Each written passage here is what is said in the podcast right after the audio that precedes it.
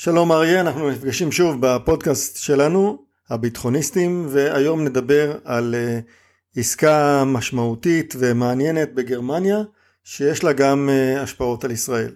אז מדובר בהחלטה גרמנית על uh, רכש uh, 60 מסוקי מטען כבדים מסוג צ'ינוק CH47F, מסוק מתוצרת בואינג, מסוק אה, כבד שנמצא בשירות הצבא האמריקאי וכמעט כל צבאות נאט"ו הגדולים. המדינה המשמעותית היחידה שלא רכשה את המסוק הזה עד כה באירופה הייתה גרמניה. בצבא גרמניה שירתו מסוקי CH53 מדגם אה, מיוחד שיוצר בגרמניה. CH53G, מסוקים שיוצרו בגרמניה ושהיו בחיל האוויר הגרמני אה, נמסרו אה, בעבר גם לחיל האוויר הישראלי והפכו ברבות הימים ליסעור 2025 שאנחנו רואים אותם בשמי ישראל עד היום. הגרמנים שקלו לעבור לדגם החדש של ה-CH53 CH53K שאותו בחרה גם ישראל אבל עצרו את, ה, את תוכנית הרכש הזאת לפני שנתיים עקב בעיות תקציב ורק לאחרונה, כנראה תחת הלחץ של אה, המלחמה באוקראינה והצורך בהצטיידות משמעותית, הם אה, חידשו את התוכנית הזאת, ולאחר אה, משא ומתן עם לוקיד מרטין ועם בואינג, הם בחרו בבואינג, קבוצה של בואינג ושיתוף פעולה עם איירבס, שיספקו את המסוקים, כמו שאמרנו, 60 מסוקים, כמות גדולה מאוד, תוכנית רכש רב שנתית בהיקף של חמישה מיליארד יורו, אה, תוכנית מאוד משמעותית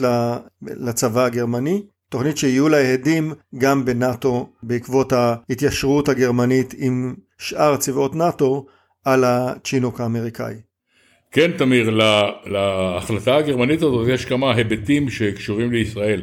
ראשית, אה, המסוקים, מסוקי היסעור של חיל האוויר כיום אה, מאוד ישנים וקשה להשיג להם חלקי חילוף. לפני כמה שנים ישראל פנתה לגרמניה וביקשה לקבל מהם חלקי חילוף לאותו דגם של מסוק והגרמנים הגרמנים נענו. דבר נוסף, כשהייתה פגישה בשנה שעברה בין אה, מפקד חיל האוויר הישראלי ומפקד חיל האוויר הגרמני, אה, היו אה, דיבורים שהישראלים ניסו לשכנע את הגרמנים בעדיפות של המסוק של לוקיד מרטין היסעור החדש, מתוך מחשבה שאם גם גרמניה תרכוש את המסוק הזה, גם מחיר היחידה ירד וגם המחיר של התחזוקה שלו לאורך חייו המבצעי. וכאמור, כמו שאמרת, הגרמנים החליטו אה, על מסוק אחר.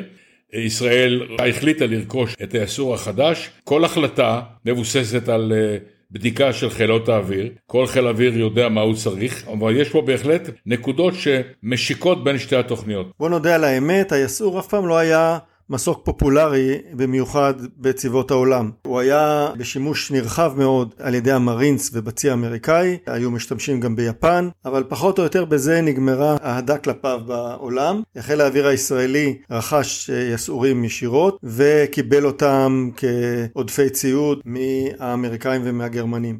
כך שכמו אז, גם עכשיו, חבר אה, חשוב מאוד בקהילת ה-CH53, היסעורים הגרמנים, יורדים מהפרק, היפנים עדיין נשארים, והישראלים והאמריקאים יחד אה, אוכלים מאותו מסטינג. בסופו של דבר, מה שחשוב הוא שהמרינס אימצו את המסוק הזה בהתלהבות רבה, ככל הנראה גם הצי האמריקאי אה, ירכוש אותו בעתיד, וזה נותן לנו אורך חיים למסוק אה, לשנים רבות. הצבא האמריקאי בחר בצ'ינוק, כמו שאר מדינות אירופה.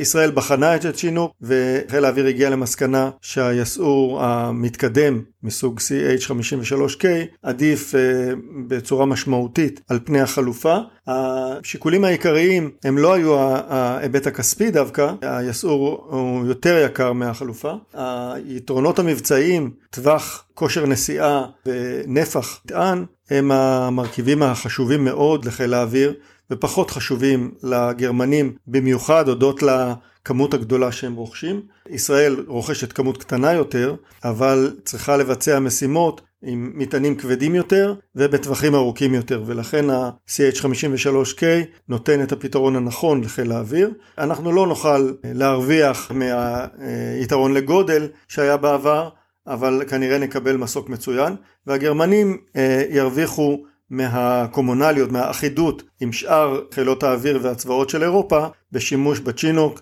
שכפי שאמרנו הרבה יותר פופולרי באירופה. עד כאן להיום, נתראה בפודקאסטים הקרובים. תודה אריה.